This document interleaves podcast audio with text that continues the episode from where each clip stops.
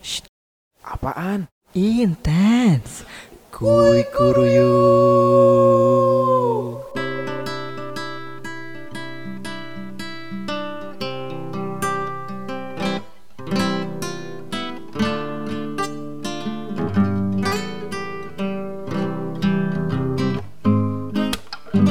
Halo semuanya, kembali lagi di podcast Teruna Eklesia bersama host kalian Rafael dan ditemani dengan Kak Julius di sini. Ya, halo, saya Julius. Ah, podcast kali ini akan sedikit berbeda. Episode ini diberi seg- diberi nama segmen Intense. Apa itu Intense? Intense adalah segmen interview satu satu dengan satu atau interview one on one dengan narasumber kita yang punya cerita menarik dalam kehidupannya. Oke, dimulai. Kak Julius ini dengar-dengar udah lama ya di GPIB Ecclesia ya? Ya, ya, saya di GPB Indonesia itu sejak lahir. Kira-kira tuh sudah hampir 40 tahun. Oh, itu berarti Kak Julius di sini karena dekat rumah atau gimana? Ya, kebetulan daerah atau rumah saya itu masuk dalam sektor pelayanan 5 di wilayah jemaat GPB Indonesia. Hmm, berarti Sehingga dari dari... lahir, ya saya udah di Indonesia. Oh, oke. Nah, berarti Kak Julius PA, PT sampai CD di sini juga. Ya, Ah. saya dari pelayan anak, dari anak-anak, dari teruna, gerakan pemuda, PKB, terus PKL, eh belum ya, belum PKLU ya.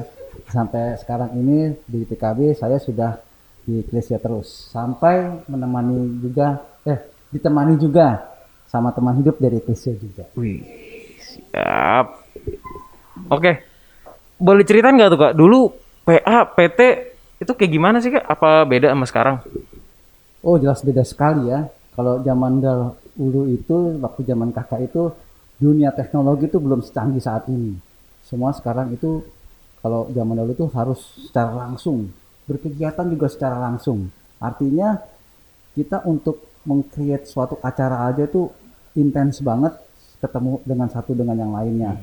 Misalnya sebagai contoh, waktu dulu kita sebagai terunan ya, karena karena kita sekarang di teruna, saya akan bicara aja teruna, kita tuh dulu teruna yang cukup aktif dan kebetulan waktu zaman kakak itu adalah zaman terbanyak anak-anak teruna yang ikut di dalamnya.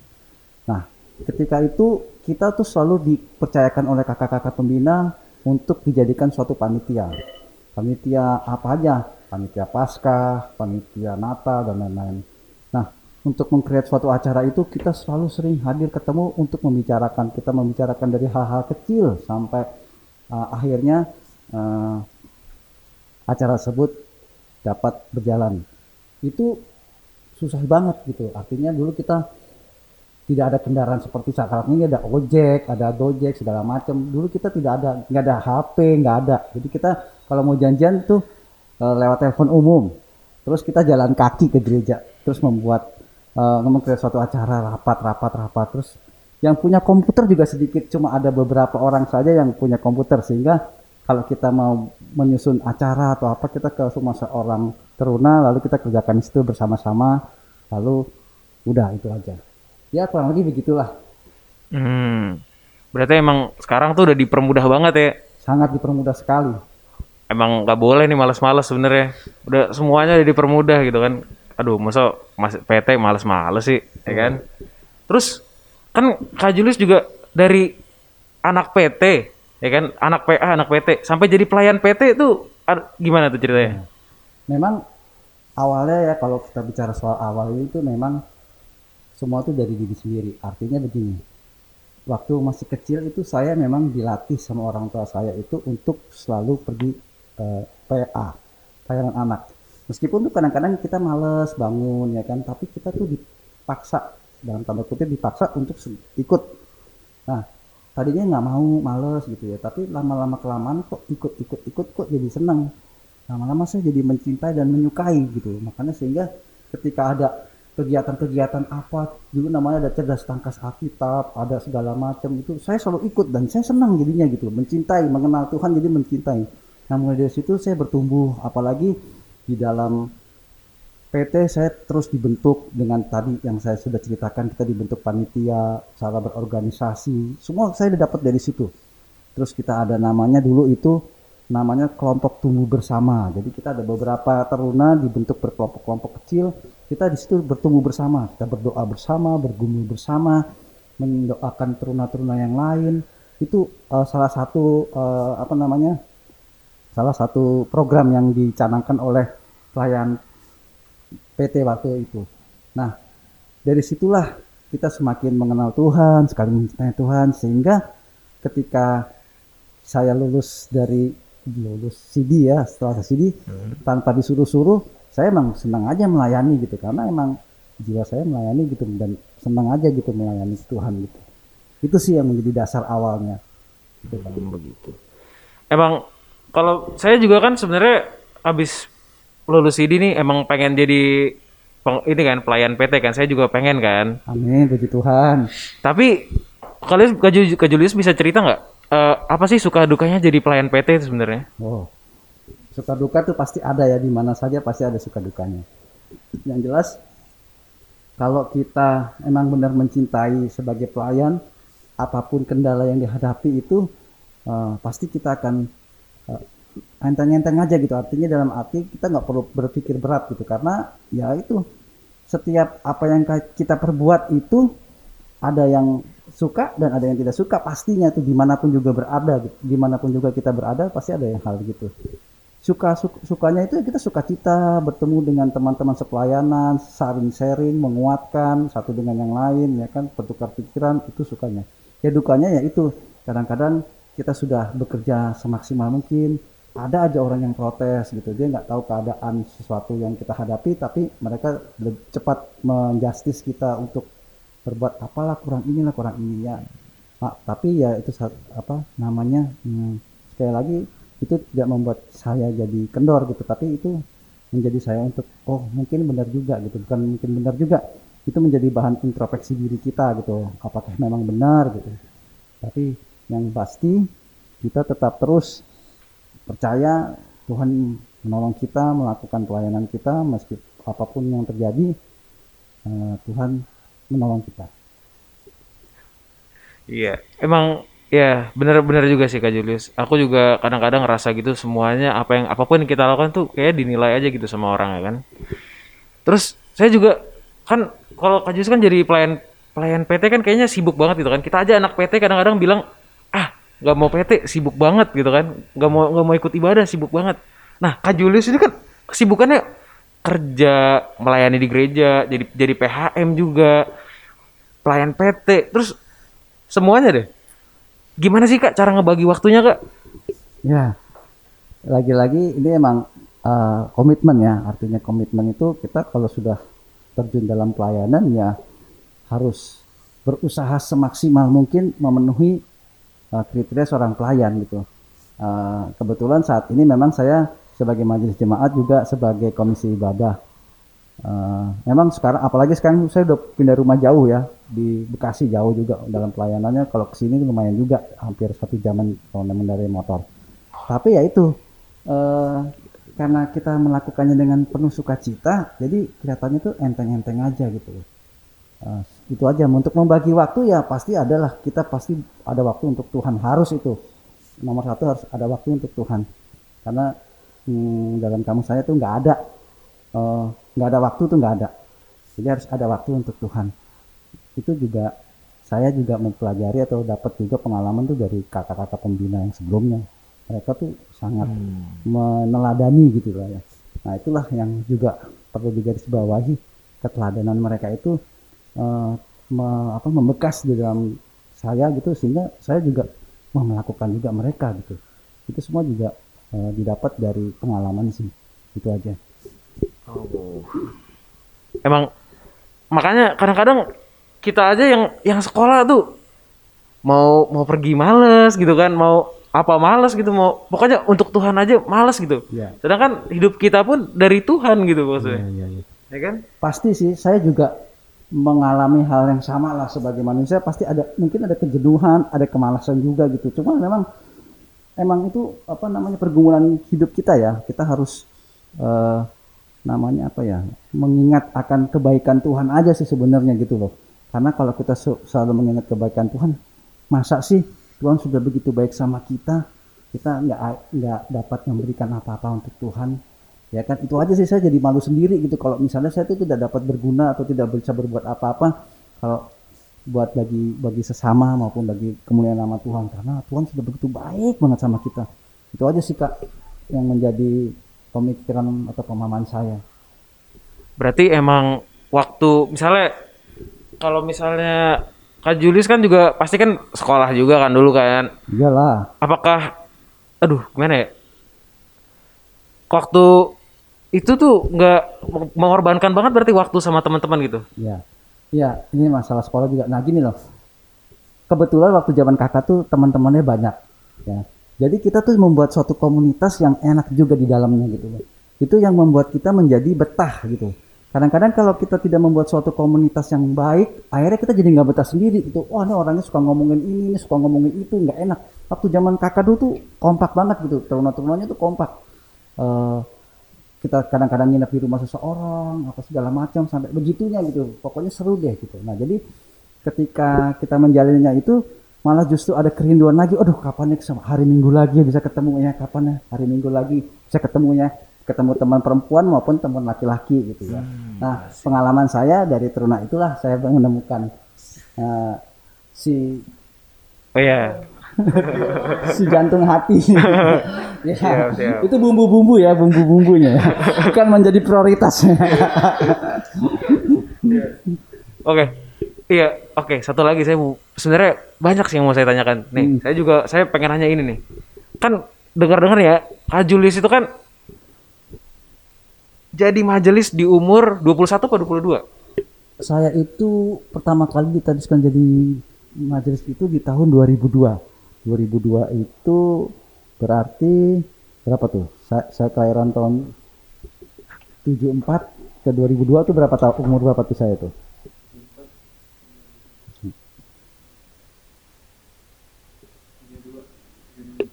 Tiga puluh dua, Berapa tuh? dua puluh 58 ya? delapan, dua puluh delapan. Oh Ya. salah berarti. Hmm. Itu berarti Kak Julius tuh jadi PHMJ termuda gitu berarti. Waktu saya jadi PHMJ itu pertama kali itu di tahun 2007. kalau nggak salah. Oh, oke. Jadi di, di tahun 2007 itu saya jadi PHMJ, jadi bendahara dua. Mhm. Jadi kan kalau jadi majelis itu tidak boleh langsung dipilih jadi PHM, harus Oh. melewati satu periode dulu. Ah. Makanya saya melewati satu periode dulu dan puji Tuhan waktu itu saya dipercayakan jadi PHMJ bendahara dua kalau nggak salah tahun Ah. 2007 itu. Dalam usia berapa tuh berarti itu? 28 ditambah 5 32. Nah, nggak tahu juga yang termuda atau enggak, nggak tahu juga. Kayaknya ada lagi di sisi apa sebelum saya itu mungkin ada lagi yang lebih muda gitu. Tapi kalau semangat untuk melayani itu emang berarti dari diri sendiri ya nggak disuruh sama orang lain sama, sama sekali. Enggak. Awalnya disuruh awalnya untuk mencintai Tuhan itu disuruh ya. Tadi saya tadi cerita waktu PA itu saya disuruh bangun pagi untuk ikut PA, malas-malasan tapi lama-lama mencintai Tuhan, mengenal Tuhan semakin enak, semakin senang ya. Begitu akhirnya. Ya padahal untuk jadi majelis PHMJ ataupun majelis jemaat itu pun sesuatu tugas yang sangat berat kan. Tapi Kak Julius ini menyempatkan di oh iya Kak, Ya. kesibukan kesibukan kesibukan Kakak sekarang apa sih? Kesibukan saya sih tetap jadi seorang pekerja. Ya, itu tadi di Komisi Ibadah. Saat ini saya dipercaya sebagai koordinator untuk ibadah keluarga rutin, streaming setiap hari Kamis malam itu jam 7 sampai selesai. Itu aja sih saat ini.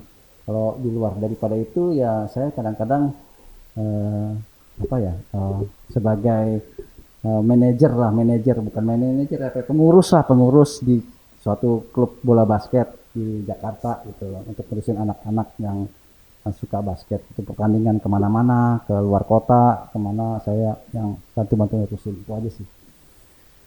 Terus eh, apakah yang sebelum pandemi sama pandemi ini ada yang berubah gitu? pasti banyak perubahan. Yang tadinya sibuk banget sekarang sibuk sibuk sibuk aja Ya, Oh, berarti- karena kebanyakan kan di rumah ya nggak bisa ngap berbuat apa-apa ya kayak kayak saya ngurusin basket, pertandingan-pertandingan event-event itu sudah tiada semua, nggak ada apa-apa ya. Udah jadi kita di rumah aja gitu. Oh iya. Hmm, itu Berarti makin berkurang ya, bukan bukan jadi kendala malah. Enggak sih, pokoknya dijalanin aja, fine fine aja, lurus lurus aja, lempeng lempeng aja, santai aja sambil berjalan aja gitu, mengalir aja lah. Ah. Terus kalau misalnya pelayanan di gereja apakah itu terpengaruh banget atau enggak? Terpengaruh gimana maksudnya? Kan ber, ya se- setelah pandemi ini kan Kak Julius juga rumahnya udah jauh kan sekarang dari Iya. gereja. Apakah terganggu gitu pelay- pelayanan-pelayanan untuk ke gereja? pasti terganggu lah. Artinya kalau misalnya kita dulu mau lakukan pelayanan yang di gereja itu cuma berapa menit doang, 10 menit, 5 menit sudah sampai gereja. Sekarang ini butuh minimal sejam kalau naik motor ya. Ya, kalau apalagi kalau kita pulang malam ya, tapi itu nggak menjadi kendala sih. Ya kendala cuma harus harus dihadapi dengan penuh sukacita juga itu aja sih. Heeh. Nah, itu kan emang dari dari dari dulu makin sekarang kan kalau saya dengar kayak Kak Julius tuh semuanya dijalankan dengan fine fine aja ya kan. Nah, itu cara biar fine fine aja tuh gimana sih biar tetap konsisten gitu. Gimana ya? Susah juga tuh jelasinnya. ya kan? Ya intinya dia di bawah happy aja gitu ya. Memang jangan jangan terlalu banyak berpikir. Artinya eh, berpikir tuh sesaat untuk perencanaan, tapi setelah itu just do it aja, jalanin aja gitu loh. Eh, jalanin aja, nggak usah banyak bicara, banyak jalanin aja. Kalau dalam pelayanan apa, jalanin aja eh, dengan penuh sukacita gitu. Itu aja sih eh, apa namanya kuncinya. Kalau saya tuh sama ini saya lakukan apa yang harus kita lakukan ya lakukan nggak usah banyak eh, banyak bicara tapi kita banyak bekerja aja gitu. Dan lakukanlah dengan penuh sukacita dan tanggung jawab itu aja. Dan ucapan syukur aja intinya kita tadi saya sudah, sempat singgung kalau kita udah bersyukur sama Tuhan terus apa sih yang bisa kita berikan sama Tuhan ya kan? Ya itulah sebagai tanda ucapan syukur ya saya melakukan hal ini dengan penuh sukacita aja. Ya pasti banyak sih kendalanya kadang-kadang ya nggak sesuai dengan yang apa kita mauin apa banyak terus di eh, dimentahkan atau apa banyak lah sih sebenarnya cuma ya segala sesuatu pasti saya yakin ada jalannya apa aja itu pasti ada jalan ada jalannya dan ada solusinya itu aja sih kita gumuli dalam doa kita lakukan dan kerjakan udah itu aja Iya, ah, iya iya iya. Berarti kalau misalnya oh iya, nih ini juga menarik nih. Kak Julius kan ikut Satalon kan. oh ya Nah, coba diceritain Satalon itu dari kapan sih? Waduh. Saya itu termasuk anggota paling baru, paling baru di anggota Satalon. Jadi itu sebelumnya tuh saya tuh sebagai ikut-ikutan aja dalam arti ikut-ikutan tuh ngeliput gitu. Saya suka ngeliput gitu, handycam. Apa dulu zamannya dulu namanya handycam, belum ada handphone gitu. Iya. Rekam sana, ngerekam sini. Tapi lama kelamaan eh, diajak, ayo udah dong ikut aja ma- eh, masuk sini. Ya udah akhirnya masuk. Karena kan Satalon sendiri kan singkatannya kan Sangir Talon Ambon sedangkan saya kan orang Jawa gitu kan nggak masalah masuk sebenarnya Ya, tapi ternyata Satalon membuka peluang untuk kaum Jawa masuk dalam grup ya jadi saya tuh termasuk anggota yang paling eh, terbaru di di anggota Satalon. Dan Satalon itu tuh sudah berjalan hampir kalau nggak salah tuh sudah hampir 35 tahun atau atau lebih dah saya juga lupa. itu. 35 tahun. Iya, pendirinya aja udah ada yang dipanggil Tuhan bersama Tuhan tuh, Bro. Ada beberapa orang, masuk salah satunya Kak, Kak Beni Marsip dan Kak Beni Herbawal. Gitu. Tapi Satalon kalau Satalon itu udah sering juara atau gimana? Ikut perlombaan atau cuma di gereja aja? Ya, puji Tuhan kita udah pernah ikut beberapa kali perlombaan, baik di GPIB maupun di Gemis juga. Ya, hmm, sudah juga sampai ada beberapa orang yang mewakili dari Satalon juga ikut ke apa namanya Persparawai tingkat nasional, ada yang dulu di Medan maupun di Makassar itu segala macam itu ada. Ya kebetulan kita juga mendap- sering mendapat juara juga, juara satu, juara dua, juara satu, juara dua, cukup sering juga sih. Bukannya sombong ya. ya karena itulah memang kalau vokal group itu memang semakin lama itu semakin mateng gitu karena kan udah mengenal satu dengan yang lain suara juga semakin nyatu segala macam jadi enak sih gitu aja. Iya. Tuh, itu sa- satu-satu kesibukan Kak Julius yang lain tuh. Yes. Satu lagi yang mau saya tanya lagi. Ya. Basket gimana jadinya? Apakah basketnya tertinggal atau basketnya tetap jalan juga? Basket tetap jalan dong sampai kapan pun juga basket harus tetap berjalan. Wah saya makanya senang banget nih di Taruna Ecclesia ini eh, kakak-kakaknya maupun teruna-terunanya juga banyak yang suka main basket tuh saya senang sekali gitu senang. Karena saya juga hobi. Nah jadi saya juga senang juga. Eh, saat ini sih kita memang saya nggak belum latihan-latihan lagi secara rutin ya. Artinya dulu kalau belum ada pandemi itu setiap hari Kamis saya ada latihan dari kantor. Tapi saat ini terbatas lah. Jadi kalau ada yang ajakin baru saya suka main. Itu aja sih. Paling sama anak saya main sendiri berdua gitu. Oh iya. Berarti memang Kak Julius ini dedikasinya untuk Tuhan itu emang benar-benar tinggi sekali ya. Benar-benar waktu dari semua dari semua kesibukannya loh. Satalon ya kan. Jadi kerja, terus basket, semuanya bisa dihandle dengan baik. Semua benar-benar semuanya nggak ada yang tertinggal gitu. Meskipun ya terkadang kan memang nggak harus ada waktu untuk Tuhan itu yang paling penting ya Kak Julius ya. ya betul Nah, oke. Sekarang gini. Eh kita ada games, Kak. oke Nih, ada games. Nah, ini ada ada pertanyaan-pertanyaan ya. siap Pertama, IKR atau IK, IHM? IKR dong Coba itu jelasin kenapa IKR tuh. Ya karena di dalamnya saya ditugaskan sebagai eh, koordinatornya, jadi saya lebih suka IKR dan kalau IKR juga itu ibadahnya tuh lebih eh, tidak monoton, artinya kita bisa memodifikasi bentuknya, bagaimana ide-idenya apa, lebih dinamis lah dibanding ya yang IHM kan memang sudah baku gitu ya, tapi kalau IK- IKR mungkin bisa dimodifikasi dengan apanya gitu ya. Itu I see, I see. Lebih lebih seru ya, lebih lebih seru. lebih inovatif. Kedua, harus jawab cepet ya. Ya. Nyanyi atau basket? Eh, basket. Nah, basket. Oke. Kenapa nih basket nih? Eh ya se- sebenarnya tuh emang saya dari eh, keluarga itu emang ada jiwa olahraganya dibanding jiwa seninya gitu seninya. Nah jiwa nyanyinya itu baru-baru ini aja juga gitu. Setelah saya mendapat seorang istri yang suka nyanyi ya akhirnya saya juga ikut-ikutan nyanyi juga gitu ya. Padahal tapi sebenarnya darahnya nih kalau di black nih darah olahragawan gitu ya senang olahraga ya. Itu aja sih. Wah, oke. Sip. Pertanyaan tiga. Penatua atau diaken? Penatua. Saat ini saya penatua. Siap. Coba dijela- dijelasin lebih rinci, lebih rinci.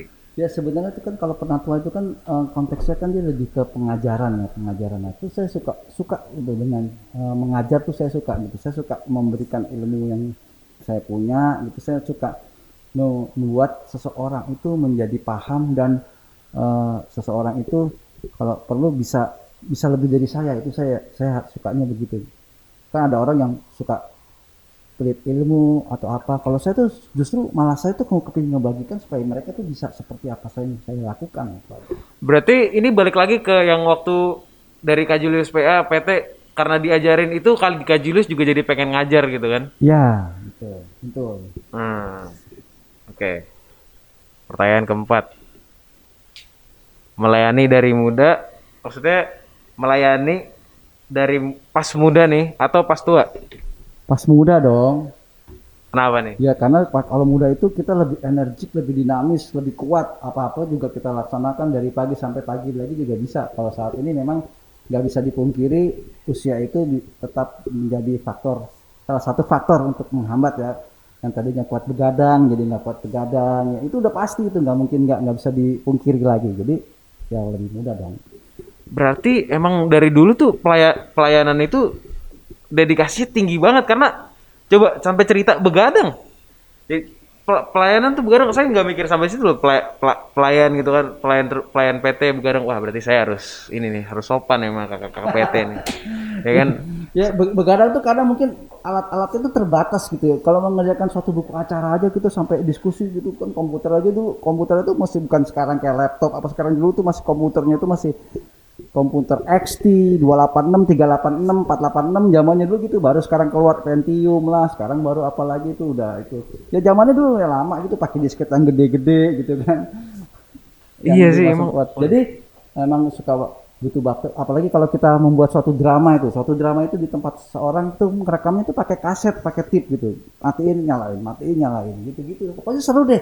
Kegiatan-kegiatan yang dilakukan zaman itu tuh eh, seru gitu. Ya emang nek. Saya aja kemarin pas kita tuh kan PT kan waktu, waktu itu pernah ditunjuk ya sama Kak Eflon kan. Sa- eh, saya sama Javier sama teman-teman gitu kan pernah pernah ditunjuk untuk jadi panitia apa pasca kalau nggak salah waktu itu panitia pasca untuk PT kan. Kayak sekalian belajar untuk ini kan apa jadi pani berpanitia gitu kan. Eh nggak jadi gara-gara ada ini apa Pandemi ya. pandemi aduh Iya, parah benar. Pengen ngerasain asiknya nggak nggak bisa tapi it- iya Iya. tapi itu semua emang Tuhan punya rencana sih pasti Betul, betul. Benar, terus terang aja saya tuh mendapat banyak berorganisasi itu dari Teruna karena di situ saya ditempa untuk jadi panitia ini, jadi panitia itu. Jadi, jadi saya bisa bicara pun juga tuh di Teruna gitu. Pokoknya emang waktu itu zaman di Teruna itu saya benar-benar dibentuk lah gitu. Makanya saya senang sekali gitu bisa mendapati pengalaman kayak begitu. Ya saya bandingkan dengan tadi yang kakak bilang saat ini jadi eh, apa eh, mau jadi panitia aja susah ada pandemi gitu. Ya kasihan juga mereka. Jadi terbatas itunya ya. Apa namanya kegiatannya terbatas gitu ya. Emang selalu ada tan- Hmm, selalu tapi- ada tapi keunggalannya biarpun terbatas sebenarnya bisa melalui online melalui zoom atau segala macam itu aja sekarang. Kalau zaman dulu mungkin kalau ada pandemi gini ya udah stuck. Nggak bisa ngapa-ngapain lagi belum ada apa-apa untungnya pandeminya sekarang. Enggak tapi enggak enggak gitu sih enggak gitu konsepnya. Iya, iya. berarti aduh emang saya salut banget sih sama Kak Julius ini. Emang dari dari dulu sampai sekarang ya kan sa- ma- dedikasinya tinggi banget bener. Kak Julius tuh saya juga mau tanya dong Kak. Dulu Kak Julius, Julius OSIS nggak sih? Atau kegiatan organisasi-organisasi gitu? Oh kalau di sekolah saya kurang saya di sekolah nggak ikut organisasi saya ikutnya ya itu aja basket ya kalau basket saya urusin gitu kalau misalnya waktu zaman SMA ada perlombaan basket ya saya main basket juga yang ngurusin juga gitu tapi untuk masuk ke organisasi osis eh, saya nggak Oh, Oke oke. Berarti emang full ya, Kak Kak Julius bisa berbicara, bisa ngajar, itu semua dari dari gereja ya semuanya. betul dari teruna saya dapat ini terus terang Iya. Oke, Kak Julius ada pesan-pesan yang mau disampaikan nggak Kak? Pesan-pesan yang disampaikan pesan-pesan Untuk anak-anak remaja gitu. untuk anak-anak remaja, anak-anak teruna ya. Ya pesa- eh, pesannya sih eh ya itu tadi eh, melakukan hal itu harus dengan penuh sukacita, dengan penuh gembira ria dan eh, jalanin aja, just do it aja, jangan banyak pertimbangan-pertimbangan, pertimbangan itu semua sesaat aja. Ketika sudah ada pertimbangan perencanaan yang matang, lakukan aja. Terus kesempatan yang diberikan kalau ada kesempatan kesempatan itu pakailah sebaik-baiknya. Karena kesempatan itu nggak akan datang kembali lagi gitu loh. Kalau saat ini aja kita tahu kan kesempatan yang diberikan untuk kakak-kakak pembina untuk adik-adik teruna mau jadi panitia aja jadi nggak bisa gitu kan. Nah itu kan sayang sekali gitu. Makanya kalau ada kesempatan kesempatan yang dikasih itu dipakai dengan baik. Itu aja. Oke, berarti eh, untuk teman-teman semua yang mendengarkan ini kita harus dari kalau misalnya untuk Tuhan, untuk apa pun itu, kita just do it. Itu pesannya pesannya Kak Julius, just do it. Bukan, lakukan bukan iklan ya bukan iklan Bukan iklan, maksudnya Nike. Sponsor bisa kali. Ya.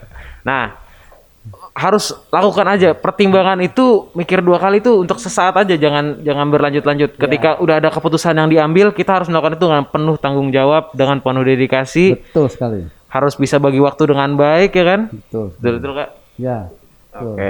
berdoa dan bekerja Berdoa dan bekerja. Ora et labora. Siap. Oke, eh, sepertinya sekian dulu podcast kita kali ini. Terima kasih Kak Julius yang Terima datang. kasih juga kesempatannya di- untuk boleh saya berbincang-bincang di podcast ini. Semoga apa yang kita bincangkan ini boleh menjadi inspirasi bagi banyak orang dan menjadi kemuliaan bagi nama Tuhan. Amin, Kak Julius. Terima kasih, Kak. Oke, kasih. dadah semuanya. Nah, gimana podcastnya? Seru kan? Semoga apa yang kalian dengar tadi bermanfaat ya buat kalian. Kalau kalian suka, jangan lupa follow Spotify Teruna Eklesia dan follow IG kita di PT Eklesia JKT. Sampai jumpa di episode berikutnya.